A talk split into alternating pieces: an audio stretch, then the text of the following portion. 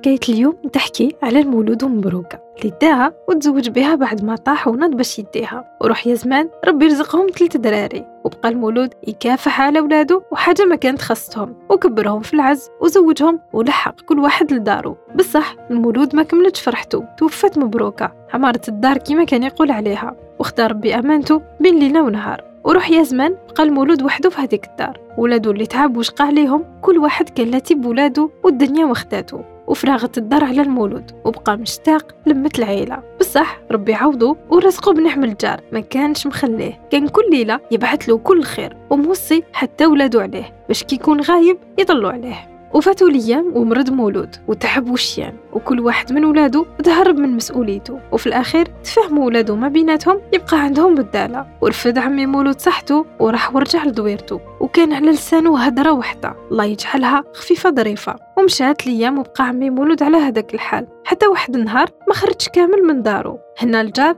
راح يتفقدو كالعادة وما جاوبوش. ومن بعد قال في نفسه بالك راه عند واحد من ولادو وفي وقت العشاء راح دالو الماكلة كيما موالف. هنا دخلوا الشك وراح يحوس عليه عند ولادو بصح ما لقاهش. وكي ولا الجار مع بن مولود الكبير وفتحوا الباب لقى باباه في بيته كأنه كان راقد هو كان ميت مسكين. هنا انتقل الجار وقال جات خفيفة ظريفة كيما تمناها الله يرحمه ويوسع عليه. وجات كامل العائلة وحاولوا تلموا في هذيك الدار. وافتقدوا الصغير والكبير ولادو ما أمنوش الشي اللي صرا. وبقاو يقولوا واش كنت مخبي لنا يا زمان؟ وبقاو هذا اللي شم في ريحته وهذا اللي يتصدق عليه وهذا اللي يبكي في وسط هذيك الدار. وعاودت ولات هذيك الدار عامرة كيما بكري.